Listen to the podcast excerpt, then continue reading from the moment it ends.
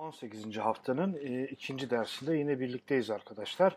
E, 1960'lı yıllar konuşmaya devam ediyoruz. Kaldığımız yerde e, 15-16 Haziran olaylarını konuşuyorduk. Aslında hemen hemen de 15-16 Haziran olaylarında sonuna gelmiştik. Ana hatlarıyla e, olayların serencamını e, elimden geldiğince yine dilim döndüğünce sizlerle paylaşmaya çalıştım arkadaşlar. Toparlayacak olursam işte e, diski tasfiye etmeye yönelik bu e, yasa değişiklikleri e, tabii ciddi bir e, tepkiyle karşılaşılır. Bu karşılanır başta İstanbul ve Kocaeli olmak üzere İstanbul'da Kadıköy'den, Eyüp'ten, Bakırköy'den hani üç ayrı koldan e, yürüyüş başlatan işçiler e, Kadıköy'den Kartal'a doğru yürüyüşe geçirip Ankara asfaltını trafiğe kapatmaya falan e, başlarlar.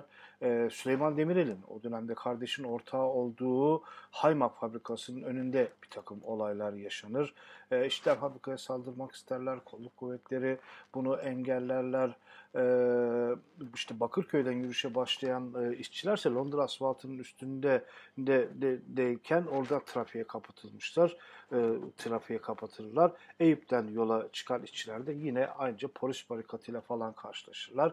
E, kimi çatışmalar 15'inde ufak tefek e, yaşansa da e, işte asıl önemli olaylardan birisi iki işçi o da şeyde gözaltına alınır. Ancak arkadaşları salı vermesini isteyen işçiler e, yürüyüş güzergahını şeye Eyüp Polis Karakolu'na doğru yönlendirirler ve e, oradaki görüşmelerden sonra iki işçi salı verilir ama 16'sına gelindiğinde artık o e, görece şey hava yerini tamamen polis şiddetine bırakmaya başlar arkadaşlar.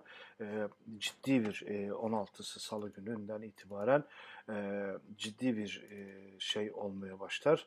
E, baskı e, olmaya başlar. E, ki zaten eylemler 16 Haziran günü 168 fabrikaya birden yayılmıştır ve 150 bin civarında işçi sokaklardadır ki o tarihe kadar e, Türkiye tarihinde görülmüş bir şey değildir ki aynı zamanda 16'sında yine Türkiye tarihinde görülmedik bir şiddetle de e, olaylar bastırılmaya falan başlar. E, İstanbul'da Levent Topkapı Kadıköy yolunda toplanışları sert müdahale tipik değil yani şiddet uygulanır. E, Galata Köprüsü'nü geçip şeye e, Taksim'e ulaşmak isteyen işçilerin önü kesilir. Galata Köprüsü e, açılır. E, vapur seferleri durdurulur ama yani işçiler balıkçı tekneleriyle falan e, Halic'in e, şeyine karşısına falan geçerler. Kadıköy'deki tartışıcı e, olaylarda e, ciddi çatışmalar yaşanır e, kaymakamlık binasını, eylemci kaymakamlık binasının etrafını çevrelemişler. Bir süre orada eylemlerini ne devam ederler. Binayı ateşe verirler.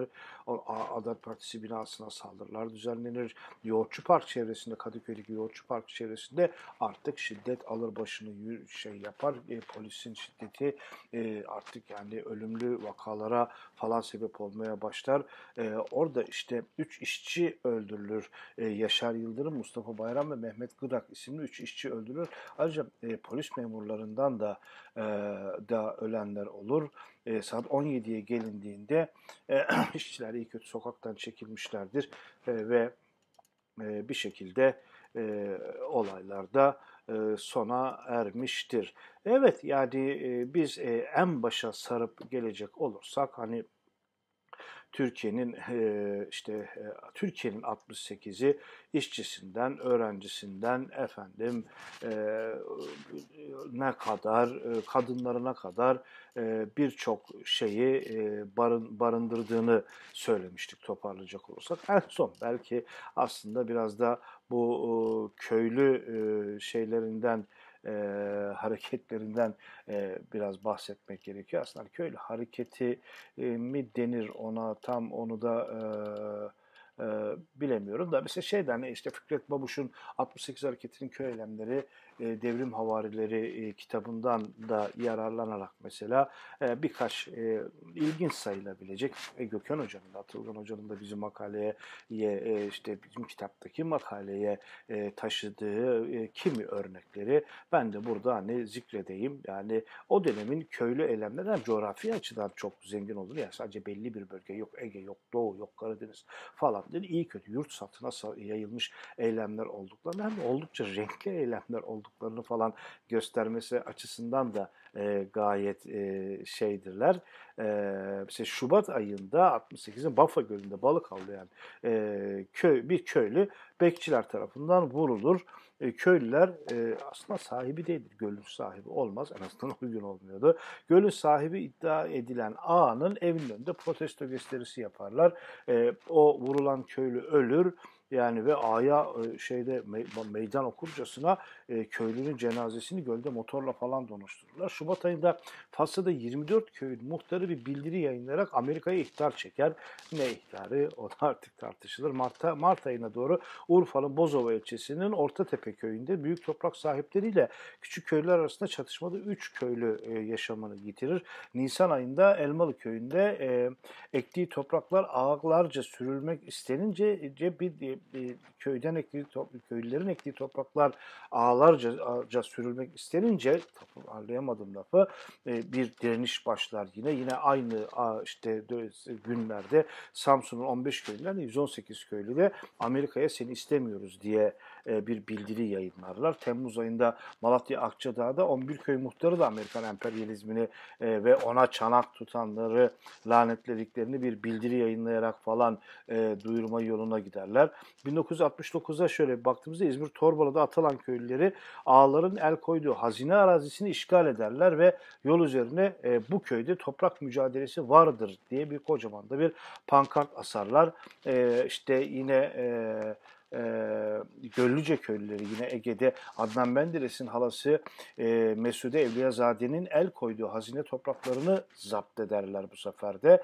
E, bunlara akıl olarak Çanakkale Biga ilçesinin Ece köyünde e, Ece, Ece, Ece Gölü'nün kurutulmasıyla olan araziyi kendilerine mülk etmek isteyen büyük toprak sahipleriyle araziyi sürmek isteyen köylüler arasında bir çatışma yaşanır. Ha, jandarma zar zor bastırır bunu. Karadeniz bölgesinden bir örnek daha vereyim arkadaşlar arkadaşlar 2,5 milyon fındık üreticisi Kasım 1968'de Tarım, Tarım Kredi Kooperatifine ve Ziraat Bankası'na olan borçlarını ödeyemez duruma düştükleri gerekçesiyle bir e, sosyal hareket diyelim e, başlatırlar.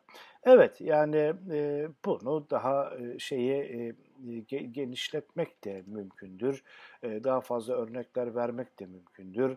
E, daha farklı örnekler vermek de mümkündür ama en azından ana hatlarıyla efendim e, Türkiye'nin 1968'li yıllarında farklı toplumsal e, grupların, kesimlerin, sınıfların perspektifinden ana hatlarıyla e, baktığımızda gördüğümüz ne diyelim manzarayı umumiye aslında 3 aşağı 5 yukarı da bunun gibidir. Şimdi aslında ben biraz daha da size şeyi söyle konuşacağımızı bu konuda söz vermiştim. Bu devrim şehitleri anıtıyla ilgili de bir şeyler söyleyeceğimi de şey yapmıştım. İsterseniz biraz önce bu devrim şehitleri anıtına devrim şehitleri mezarlığına çok affedersiniz bir bakalım. Çünkü anıt kabre defnedilen e, cenazeler var. Şimdi siz diyeceksiniz ki anıt kabre cenazenin şey işte defnedilmiş insanların ne işi var falan anıt kabirde bir tek Mustafa Kemal ile İsmet İnönü'nün mezarları yok mu falan. E, evet 60'tan 80'lerin sonları ortalarına kadar diyeyim e, ki bir süreçte e, orada hatı sayılır miktarda e, insanda defnediliyor. 60 darbesinde ölen devrim şehitleri de işte oraya gömülecekler.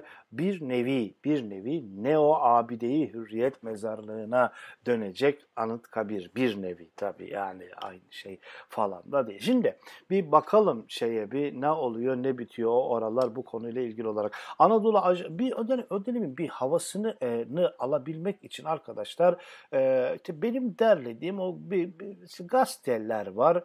Ee, işte o dönemle ilgili kendi çalışmalarım vesilesiyle derlediğim. İşte onlardan böyle minik bir seçki yapıp maksat ne? Maksat hani gazeteleri size niye okuyorum ki burada? Ya o işte tam 27 Mayıs e, civarları bu konularda 3 aşağı 5 yukarı millet ne düşünür, ne yapar?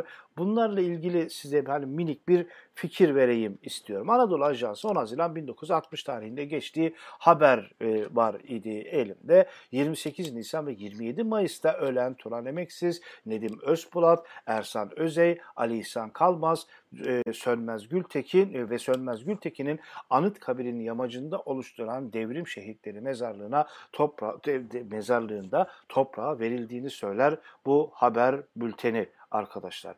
Bu isimleri hatırladınız mı? Ben bu isimlerin kimler olduklarını 20 27 Mayıs'ın o yine olaylarını konuştuğumuz bir derste e, işte tek tek bunları ben, ben, ben tek tek derken kısa kısa bahsetmiştim aslında. Bunlar içerisinde bir e, Turan Emeksiz en başta Nedim Özbulat.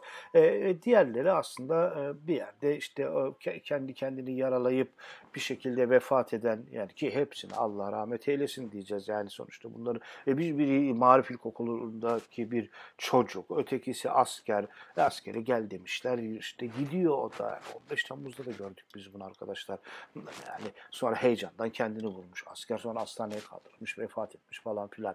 İşte bunlar bir devrim şehidi e, icat ediliyor ve yapılıyor ve e, anıt kabire defnediliyor arkadaşlar. Daha sonra Cemal Gürsel'in defnedileceğini de söylemiştim sizde. Çünkü buna bir ihtiyaç olduğunu bir devrim, inkılap, e, revolution kavramlarını falan konuştuğumuz e, derste ben e, elimden geldiğince anlatmaya çalışmıştım. Şimdi oraya tekrar e, girecek değilim ama yani şeye bir dönelim. Yani aslında bu sayının çok daha fazla olacağı düşünülüyordu. Yani devrim şehitleri sayısının hayli fazla olduğu düşünülüyordu. Bu sayı, burada da yani e, bu saflıkta da samimiler e, açıkçası. Çünkü yani baya baya o dönem gençlerin et balık kurumunda kıyma yapıldığı buzhanelerde e, soğuk hava deposu şimdinin şeyiyle ağzıyla e, buzhanelerde nümayişlere katılan öğrencilerin cesetlerinin yer aldığına dair gazetelerde bir tane değil yani bir sürü haber var ve birkaçına şimdi gözünüzde bunları biraz daha canlı bu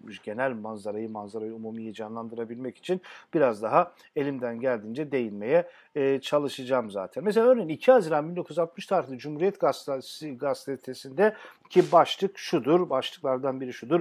Buzhane ve çukurlarda bulunan cesetler üst başlığıyla çıkar. Alt başlıkta ise cesetler İstanbul ve Ankara'da bulundu ibaresine yer verir. Milliyet Gazetesi'ne baktığımızda ise aynı günde bu sahneden toplu cesetler çıktı haberiyle çıkmıştır şey e, gazete ve e, yine e, haberin altında cesetlerin ekserisinin nümayişlerde nümayiş gösteri nümayişlerde öldürülen talebeler olduğu açıklanmıştır e, gibi bir e, ifade vardır. İşte haberin ayrıntılarına baktığımızda da ilginç detaylarla karşılaşıyoruz. Yani çünkü bayağı emindir mesela Milliyet Gazetesi her zaman olduğu gibi emindir Milliyet Gazetesi. Yani öldürülenlerin, de, gençlerin bakmışlar anlamışlar ki anladılar bilmiyorum. İşte de, de, Demokrat Parti'nin muhalifi olan e, öğrenciler oldukları ve nümayişlere, gösterilere katılan öğrenciler oldukları konusunda gazetenin şek şüphe hiçbir şeyi yoktur. O konuda da nettir. E niye? Çünkü BBC radyosunun sabah 001'deki yayınında bildirdiğine göre Ankara'daki bir askeri sözcü Ankara ve İstanbul'da ekserisi talebelere ait olmak üzere efendim bazı cesetlerin toplu halde buzoların odalarında bulunduğunu söylemiştir. Milli Birlik Komitesi bak ne okuyorum ben arkadaşlar? Ben BBC'nin haberini okuyorum. BBC'nin haberini Milliyet Gazetesi almış. Milli Birlik Komitesi adına konuşan albay bu gençlerin sabık hükümet tarafından, eski hükümet tarafından hükümet aleyhine nümayiş yaptıkları sırada öldürüldüklerini söylemişler. Şimdi bunun bir yani çok bir sağlam dezenformasyon çalışması olduğuna zaten ayan beyan e, ortada. Yani şimdi o dönemde yani Milli Birlik Komitesi içerisinde bir albay kim bu albay kim olabilir zaten kaç tane albay var yani işte Ekran Acuner, Osman Köksal, Fikret Kuytak Sami Küçük, Haydar Tunçkanat, Muzaffer Yurdakular ve Alpaslan Türkeş. Yani şimdi e, bunlar içerisinden BBC'ye Milli Birlik Komitesi adına açıklama yapabilecek yapabilecek olan bir tane adam var. O da Alpaslan Türkeş arkadaşlar. Yani gerçekten bir tane adam var. O da Alpaslan Türkeş ve Alpaslan Türkeş de sanki gözüyle görmüş gibi yok ortada cesetler. Gözüyle görmüş gibi e, işte orada buzhanede cesetler var ve bakıyor. Aa Ahmet, Aa Mehmet, Ayşe, Fatma. Aa bunlar geçen gün o nüma işlerde yok muydu? Aa onlar falan demek ki öyle falan oluyor. Haziran ayının ilk günleri zaten darbe de bir yerde. Haziran ayında gerçekleştirmiş oluyor. Mayıs'ın sonu da gerçek 27'sinde gerçekleştirilmiş. 2 Haziran'da Tercüman Gazetesi e, bütün yurtta hürriyet şenliği devam ediyor başlığıyla çıkar ve haberde dün İzmir'de ve hemen bütün bugün hemen hemen bütün, yurdun bütün köşelerinde büyük tezahürat yapıldığı haberi verir. Haziran 3'ünde İstanbul Üniversitesi Rektörlüğü arkadaşlar rektörlük 28 Nisan ve müteakip günlerde cereyan eden hürriyet hareketleri sırasında şehit düşen gençlerin adedini tespit etmek üzere bir anket e, düzenlemeye karar verir. Ne anketi? A, rektörlük anketi basın yayın yoluyla halka duyuracak ve çocuklarından o ana kadar haber alamayan ailelerin üniversiteye müracaat edilerek kesin ölü sayısının belirlenmesi için bir takım çalışmalar başlatmış olacak. Çünkü ortada kayıp öğrenciler var, yok var ondan sonra ve e, onların bulunması için şey yapılacak. Yani işte e, ben diyeceğim ki aa bizim Ahmet 3 gündür okulda yok yazacağım İstanbul Üniversitesi Rektörlüğüne. Falancanın babası bizim o kızdan bir haftadır haber yok yazacak İstanbul Üniversitesi'ne rektörlüğüne ve bunlar ortada yine bulunamazlarsa biz bunların devrim şehidi olacağını anlayacağız ki yine de böyle bir devrim şehidi falan filan e, şey yapmayacak. Ölü sayısını tespit edebilmek için arkadaşlar İstanbul Üniversitesi Rektörlüğü 3 dekandan oluşan da bir komisyon oluşturmuş yahu. Milli Birlik Komitesi 4 Haziran 60'taki açıklamalarında Demokrat Parti'nin kastettiği hürriyet şehitlerinden bahseder yine.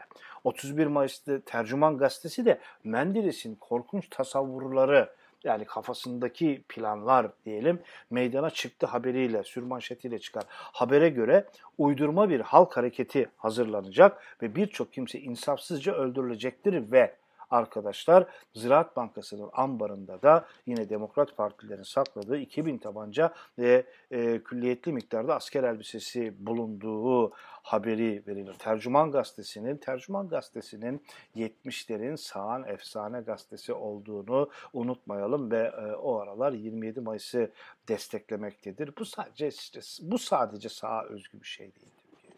Yani birçok şeyden sağa suçlayabilsen de yalakalık medyanın yalakalı sağ sol Türkiye'de ne yazık ki yani aynı şeyi başka gazetede de bulabiliyorsun. Yani e, bu e, korporatizm, bu kuyrukçuluk, bu şakşakçılık Türkiye'de medyanın en ilkeli, ilkeli sarıldığı ilkesizliklerden birisi. Yani tercüman gazetesinden örnek veriyoruz da yani ben size Cumhuriyet'ten de örnek veririm. Başka gazeteden de bugün de dün de işte siz tarih söyleyin ben size bulayım. Ben bulayım yani çok zeki olduğumdan değil yani o kadar basit ki o yüzden diyorum arkadaşlar. Neyse işte Zira Tercüman Gazetesi'nin 31 Mayıs tarihli haberinde söyledim size. Yine işte aynı haberin devamını da işte notlarımdan şey yapayım. Bir aklıma Menderes hiç sıkılmadan millete yalan söylüyordu diyor.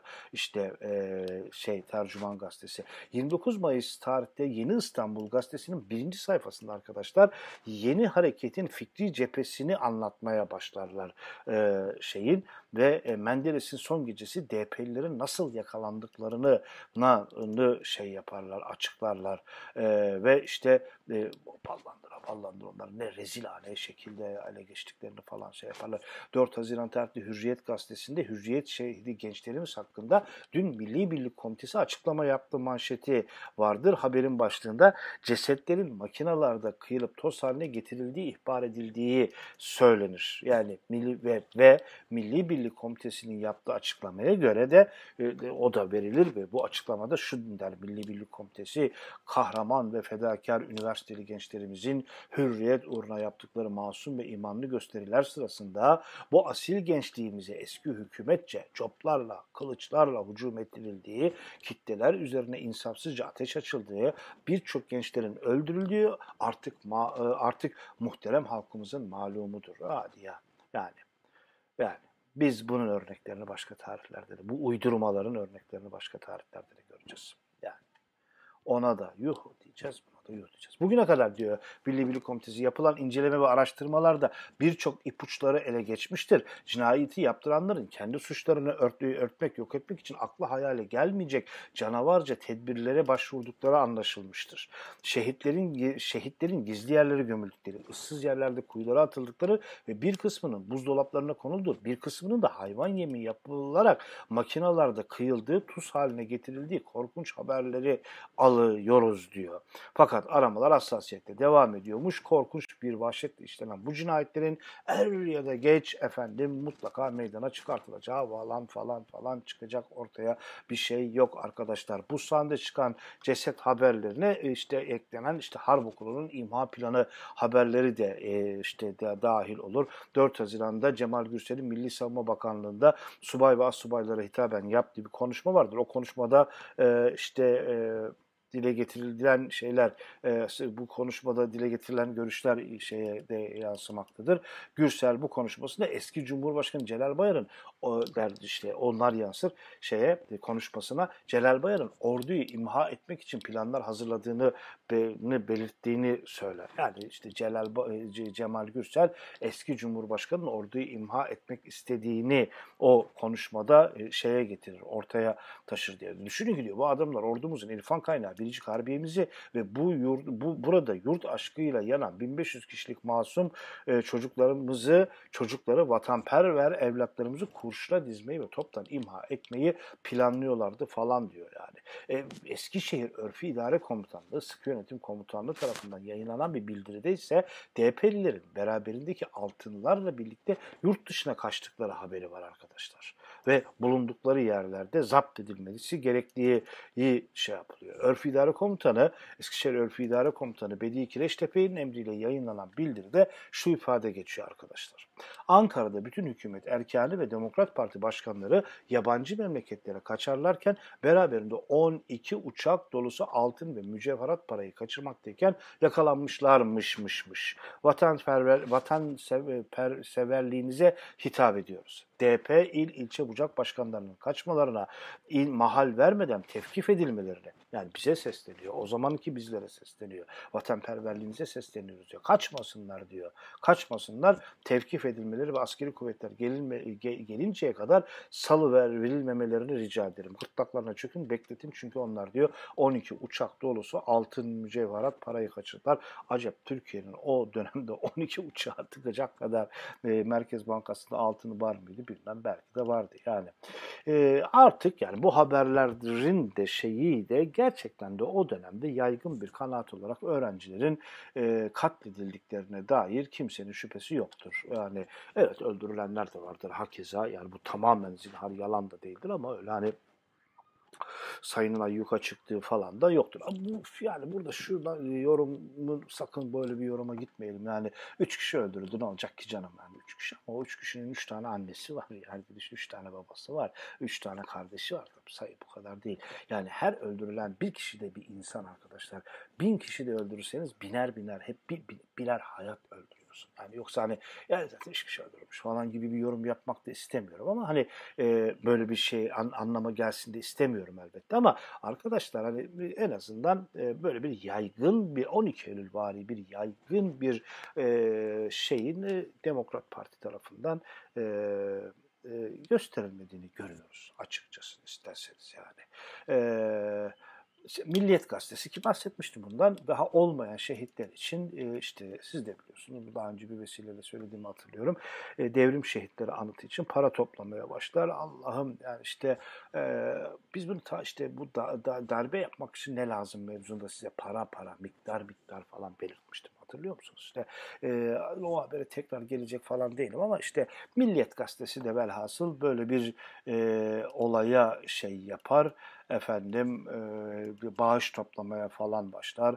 Bayağı sağlam para toplanılır falan filan ama yani şimdi tekrar böyle yok Necdet Eczacı, e, Eczacıbaşı bunu verdi, Sabancı bunu verdi falan filan değil.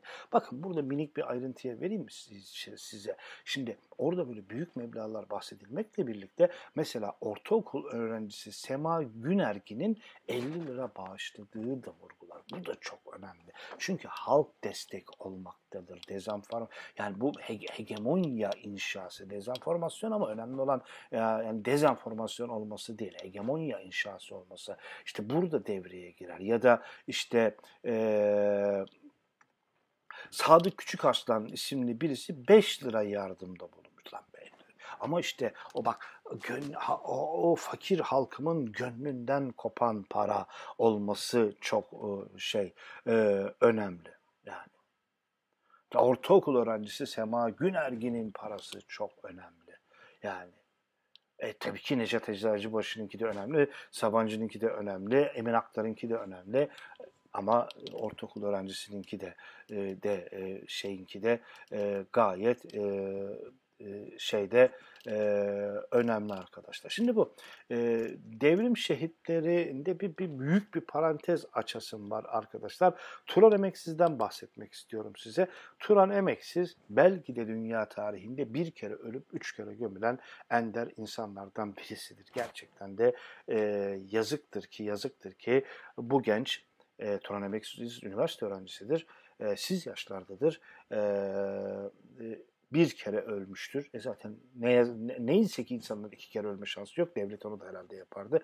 Üç kere de gömülmüştür. Nasıl oluyor bu iş derseniz hemen bir bahsedelim. Malum biliyorsunuz 28 Nisan'daki protesto gösterileri sırasında öldürülecektir e, şey e, efendim e, em, e, deyin adını e, Turan Emeksiz ve e, Merkez Efendi e, Mevlana Kapı e, şeyine mezarlığına e, üniversite öğrencisi Turan, talebe Turan e, sıfatıyla ya tabii yani adı soyadı yazıyor da gazetede ki gazetede geçen şey yani işte nümayişlerde bir öğrenci öldürüldü Anca budur. Yani çünkü 28 Nisan'da bütün medya henüz daha Demokrat Partili. Enver Gökçe işte daha sonra biliyorsunuz onun şiirini yazacak. Ahmet Kaya da besteleyecek. Bilmem sever misiniz sevmez misiniz de Enver Gökçe hemşerimdir. Ben kendisini e, şiirlerini de Enver Gökçe'nin çok severim. Enver Gökçe de Erzincan Kemaliye ilçesi ilçesindendir.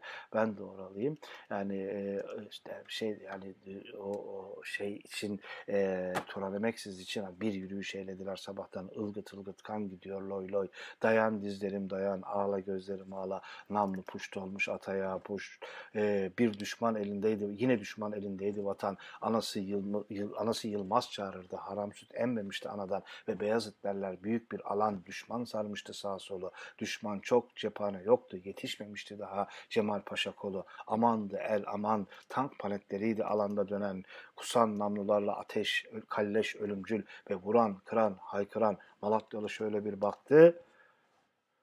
Ana baba günüydü herhal. Her yönde toz duman, vay anam işte böyle devam ediyor işte e, bu belalı başına kime ne diyem, ben nerelere gidem falan filan değil. Yani, yani e, bu Ahmet Kaya şiirin tamamını bestelememiş zaten. O öyledir de yani şiirlerin e, tamamını şarkı yapmayı kimse düşünmez. Ama işte bu işte şiirlere e, bezenerek gömülmesi ise e, 28 29 Nisan'da falan olmaz. O, o zaman ilk defnedildiğin ilk defnedildiğinde gerçekten Merkez Efendi şeyine defnedilen bir sıradan öğrencidir. Ee, böyle işte e, defnedilmiştir. Genç bir öğrenci olarak falan. 10 Haziran'da ise artık e, işte darbe gel ihtilal affedersiniz tabii ki yani ihtilal gerçekleşmiştir ve e, yani Turan öleli e, işte e, 10 e, 28 Nisan 28 Mayıs bir ay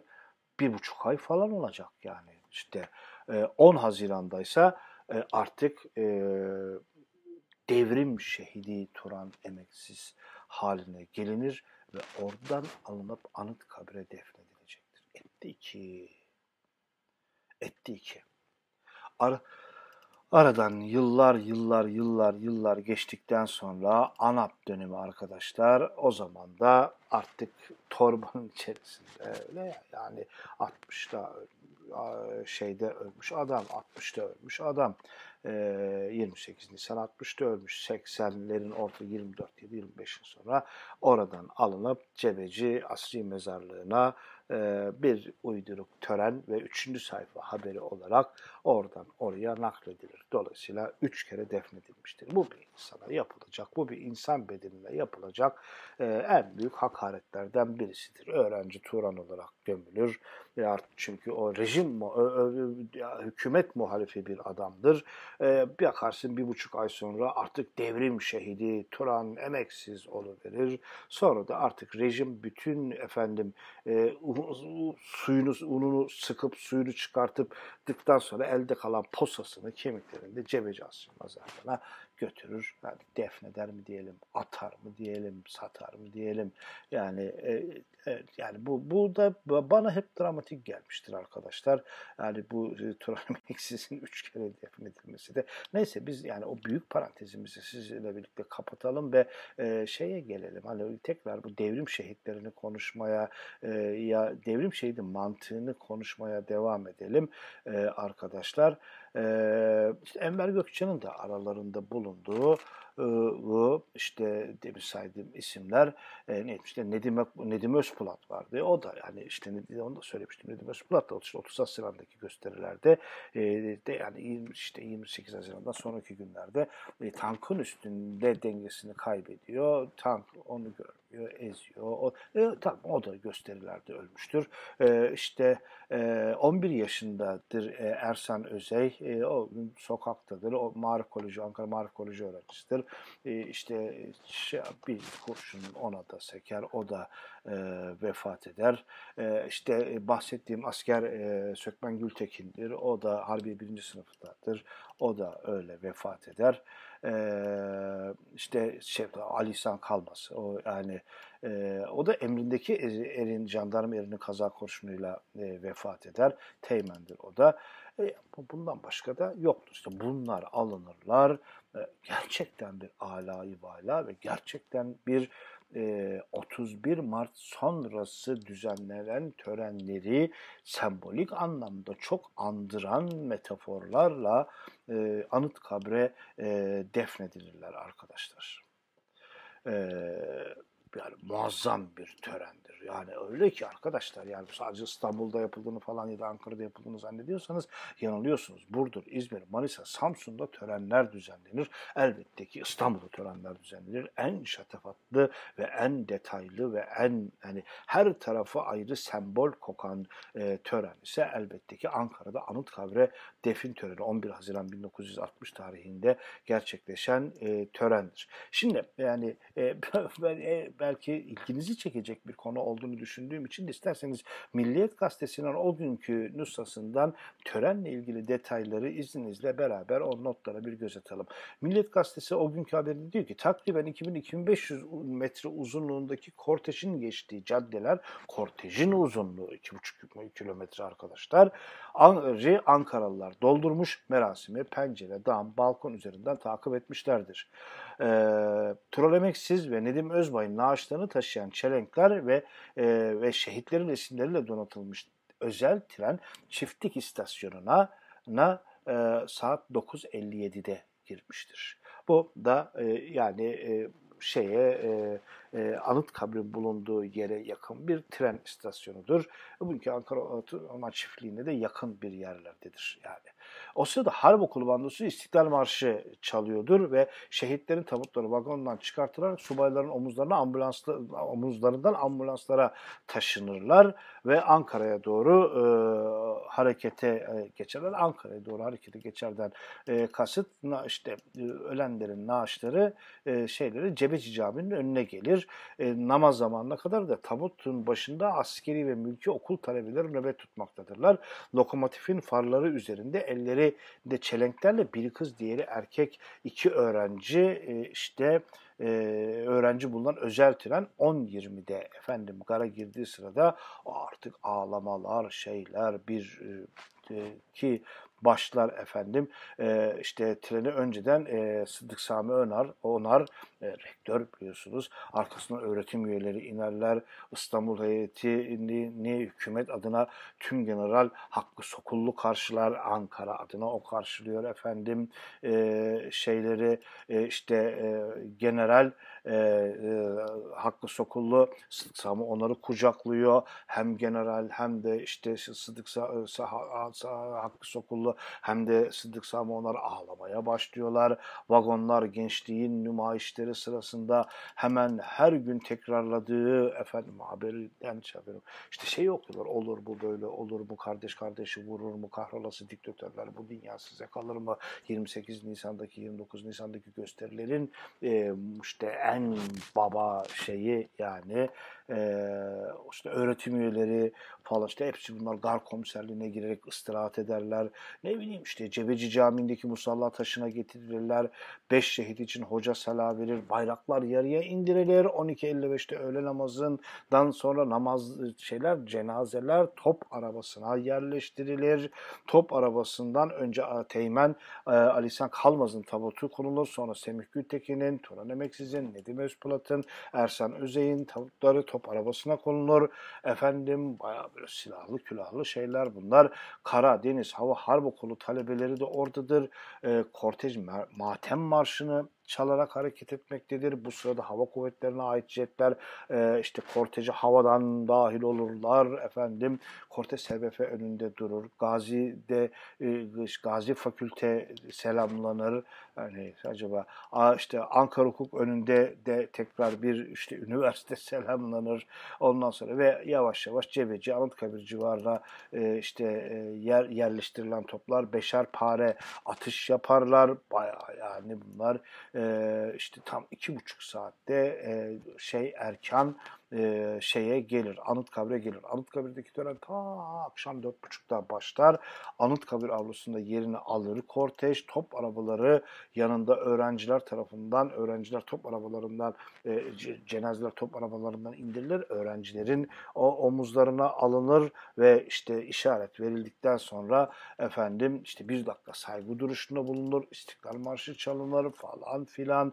E, ardından işte Çankaya, Anıtkabir'in Çankaya e, tarafına bakan kuzey kısmında e, onlar için hazırlanan devrim şehitleri mezarlığına na defnedilir. Defin işi saat 17'de biter ve ondan sonra dini e, tören yapılır ve e, işte olay bu şekilde şey yapılır. Yani aslında yani bu haberde yer almayan başka detaylar da var. O kadar ki yani cenazeler toprağa verildikten sonra to, işte Ertuğrul Gazi Türbesi'nden, Aziziye Tabyası'ndan, Çanakkale Şehitliği'nden, Dumlu Pınar'dan, sınır boylarından ve Kıbrıs'tan gelen heyetler oralardan getirdikleri toprakları da gençlerin cenazelerine pay etmeyi şey yapmazlar. Yani olayın affedersiniz hakkı çıkartılmış durumdadır yani. Çünkü yani burada artık yani şimdi bir buçuk ay önce bu devlet Turan Emeksiz'i bir rejim muhalifi olarak, bir hükümet muhalifi olarak e, öldürmüş ve şey e, yani bir şekilde defnetmiştir. Bir buçuk ay sonra şu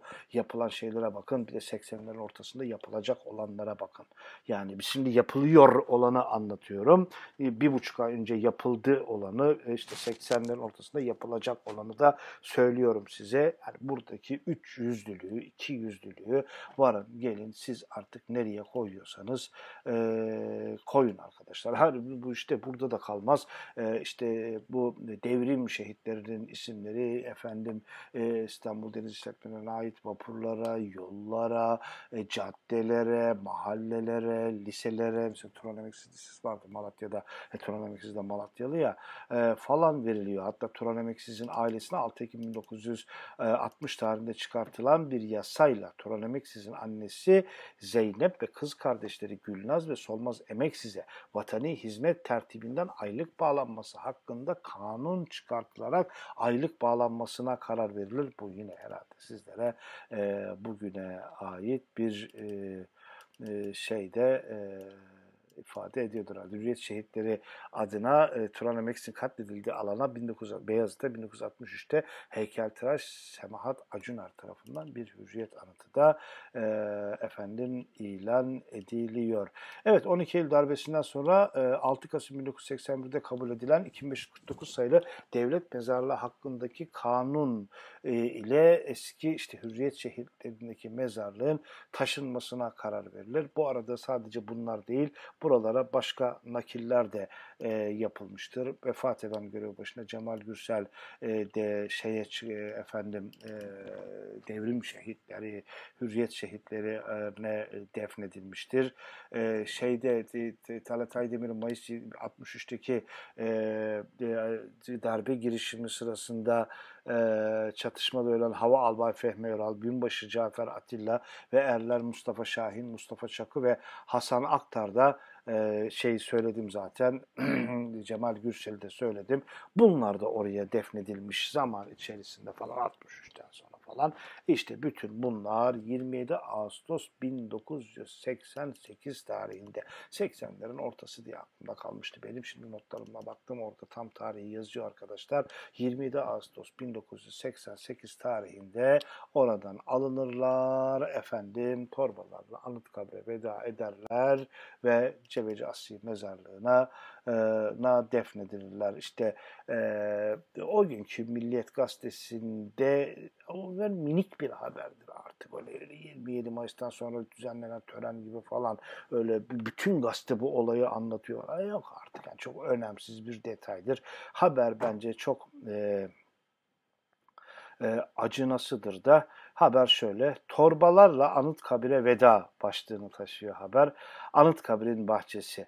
Belediye işçileri şehit mezarlarını kazıyor. Din görevlileri hazin törenin şahitleri ve erlerin elinde ismi yazılı torbalar nakledilecek kemikleri bekliyor. 27 Mayıs sonrası bir insan selinin Anıtkabir'e taşıdığı ihtilal şehitleri sessiz sedasız askerlerin omuzunda Gürsel'e veda ediyor. Yani ne olmasını bekliyordun? Yani şey.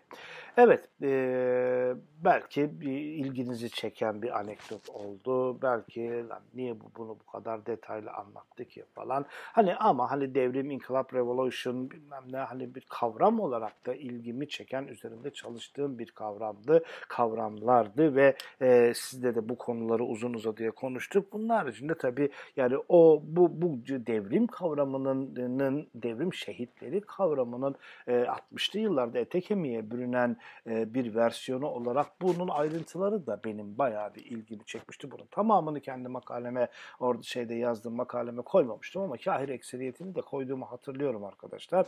Yani sizinle de bu e, detayları şeyleri paylaşayım dedim. Olur da yolunuz bir aralar Anıtkabir'e düşerse e, şeye kuzey tarafına bakan e, şeye de de ki bu, bu, bu ağaçlık boşluk olan yerden bahsediyor.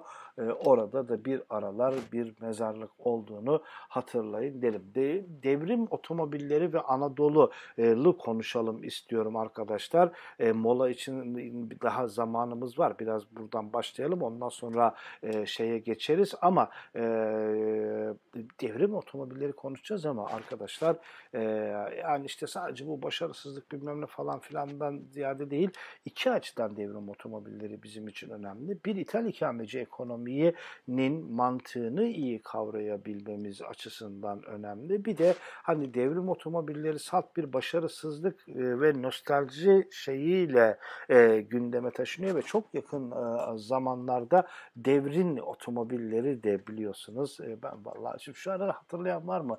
Devrin otomobilleri ne ayak, nerede üretilir, ne yapılır, ne edilir? İnşallah üretilir. Ama hani herhalde Muharrem İnce'ye hayatımda hak vereceğim tek bir konu olabilir. O da yahu artık otomobilin kaportasını üretmekte övünülecek ne var demişti e, e, bu Cumhurbaşkanlığı şeyi e, adaylığı mevzuunda. E, pek hak vereceğimi hayatta bu adama zannetmezdim ama doğru söylüyor. Hani artık e, bu konudaki teknoloji, e, fren sistemi, efendim, efendim işte ne bileyim görüş sistemi, ayna sistemi bilmem ne. E çünkü artık bunlar e, böyle daha mikro teknolojileri kendi kendini süren araba, kendi kendine fren yapan araba, tekerleğe kay arabadan da çok anlamam ya. İşte anladığım kadarıyla söylüyorum sizlere arkadaşlar.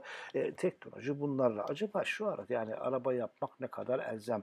E, zaman 1960'lar zamanı mıydı ya da o zaman 1930'larda uçak yapan Türkiye'nin zamanı mı? Keşke işte o dönem onu yapabileydik. Şimdi bu kaporta işiyle, cila makyaj işiyle falan da uğraşır mıydık? Orası da ayrı bir tartışma ama yine de e, araba arabadır. E, keşke bizim de dünya e, kalibresinde işteyse orta kalibre bir markamız olaydı diye de insan içinden geçirmiyor değil. Bunu başaran AKP olursa e, neden sevinmeyelim yani sonuçta e, bir kazançtır şeye.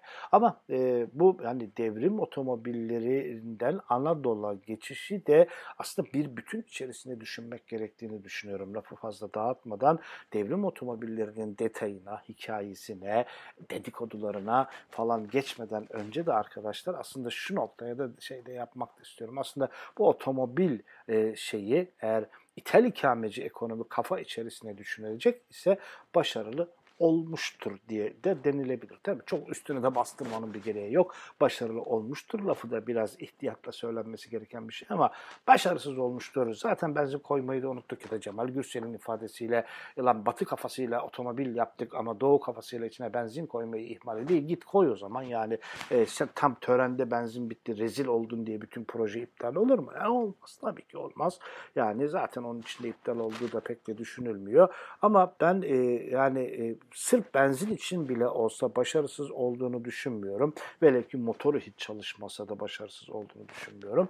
O ithal ikameci kafa içerisinde Anadolu otomobilleriyle neredeyse 1980 ortalarına kadar yanlış söylüyor olabilirim otomobille ilgili bilgim gerçekten çok az. Otomobillerle ilgili bilgim gerçekten çok az. Ama bildiğim 80'lerin ortalarına e, ne kadar falan e, üretildi diye biliyorum Anadolu. Ama şurası kesin ki arkadaşlar şu anda sağlam, el temiz ve böyle bakımlı bir Anadolu çok sağlam paraya gidiyor. Bir e, hiç değilse e, bir e, araba yani uluslararası piyasada olan bir araba markamız olmasa da en azından artık bir klasik arabamız var. Gerçekten de Anadolu şimdi gençlerin elinde falan hani teknolojisine baktığında rezalet falan yani araba şimdi teknolojisiyle hani bayağı kötü falan ama hani ama klasik arabada böyle bir hastalık herhalde. E, e, benim de tanıdığım bir iki tane e, bir var şey e, kardeşler var idi. E, onlar da böyle sanki sıfır Mercedesleri varmış gibi falan böyle er, silerler, süpürürler, temizlerler, atlarlar, patlarlar. Ne yapıyor? Anadolu falan yani herkese Murat 131 Hacı Murat da e, yavaş yavaş böyle bir klasik araba muamelesi görmeye başladı başarısızdı diyebiliriz arkadaşlar. E, velhasıl acaba ne kadar başarısız oldu orasının ayrı tartışılabileceğini defaatle söylemiş e, olayım size. Devrim otomobilleri tartışması e, aslında e, demin de dediğim gibi arkadaşlar bir e, bir e, ithal ikameci ekonomi mantığı içerisinde düşünülen e, bir şey olduğuna e, kuşku e, yok arkadaşlar. Yüksek mühendis Abdülkadir Özgü Makine Mühendisleri Odası'ndan tarafından odası tarafından yayınlanan Makine Mühendisliği dergisinde 1971 yılında bir yazı kalemi alır. Motor sanayimiz bugünü ve yarını diye bir yazı yazar yüksek mühendis Abdülkadir Özgü. Bu yazıda işte der ki ya çalışabilecek ilk benzin motor 18, motor e, 1878'de üretilmiştir dizel 1897'de üretilmiştir. Türkiye'ye geldiğinde ise Türkiye, Türkiye'de ilk motor fabrikası 1948'de açılmıştır. Yani hani arkadaş yani arada yani 100 yılı var ya. Yani az bir da bir süre falan değil.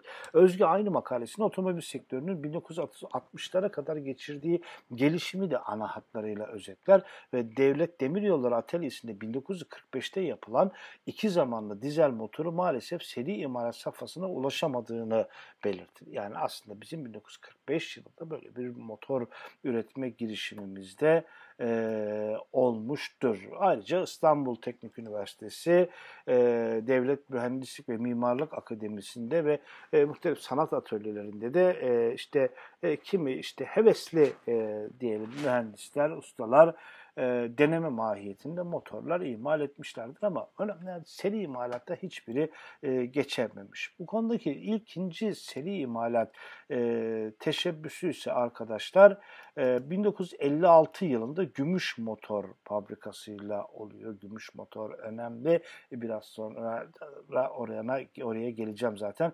E, e, ama işte e, bu fabrikanın uğradığı zorluklar da malum. 60 yıldan sonra 15 beygirden küçük dizel motorların ithalatının yasaklanmasıyla e, işte önce e, daha küçük motorlar şey yapmaya, işte dizel motorların montaj sanayini kurmaya şey yapıyorlar. Sonra demonte edilmiş motorları ithal edip buradan monte etmeye başlıyorlar. En sonunda artık volan, depo, kapak gibi basit parçalardan başlanarak işte yerli üretim %60'a kadar falan çıkartmaya gayret eden bir e, girişimden bahsediyoruz ki arkasında Erbakan'ın olduğu bir motor fabrikasından bahsediyoruz. Erbakan da makine mühendisi olarak oldukça hatır sayılır bir adam mı? 1960'ta darbecilerin de bu makine falan filan devrim otomobilleri falan mevzuunda teknik bilgisinden doçent doktor Necmettin Erbakan'ın işte o konudaki teknik bilgilerinden dibine kadar yararlandıkları bir adam olduğunu da unutmayalım. Biraz sonra tekrar zaten bu konuya e, biraz sonra derken önümüzdeki derste e, tekrar bu konuya değineceğim. Arkadaşlar bir mola veriyoruz ve önümüzdeki derste görüşmek üzere diyorum hepinize.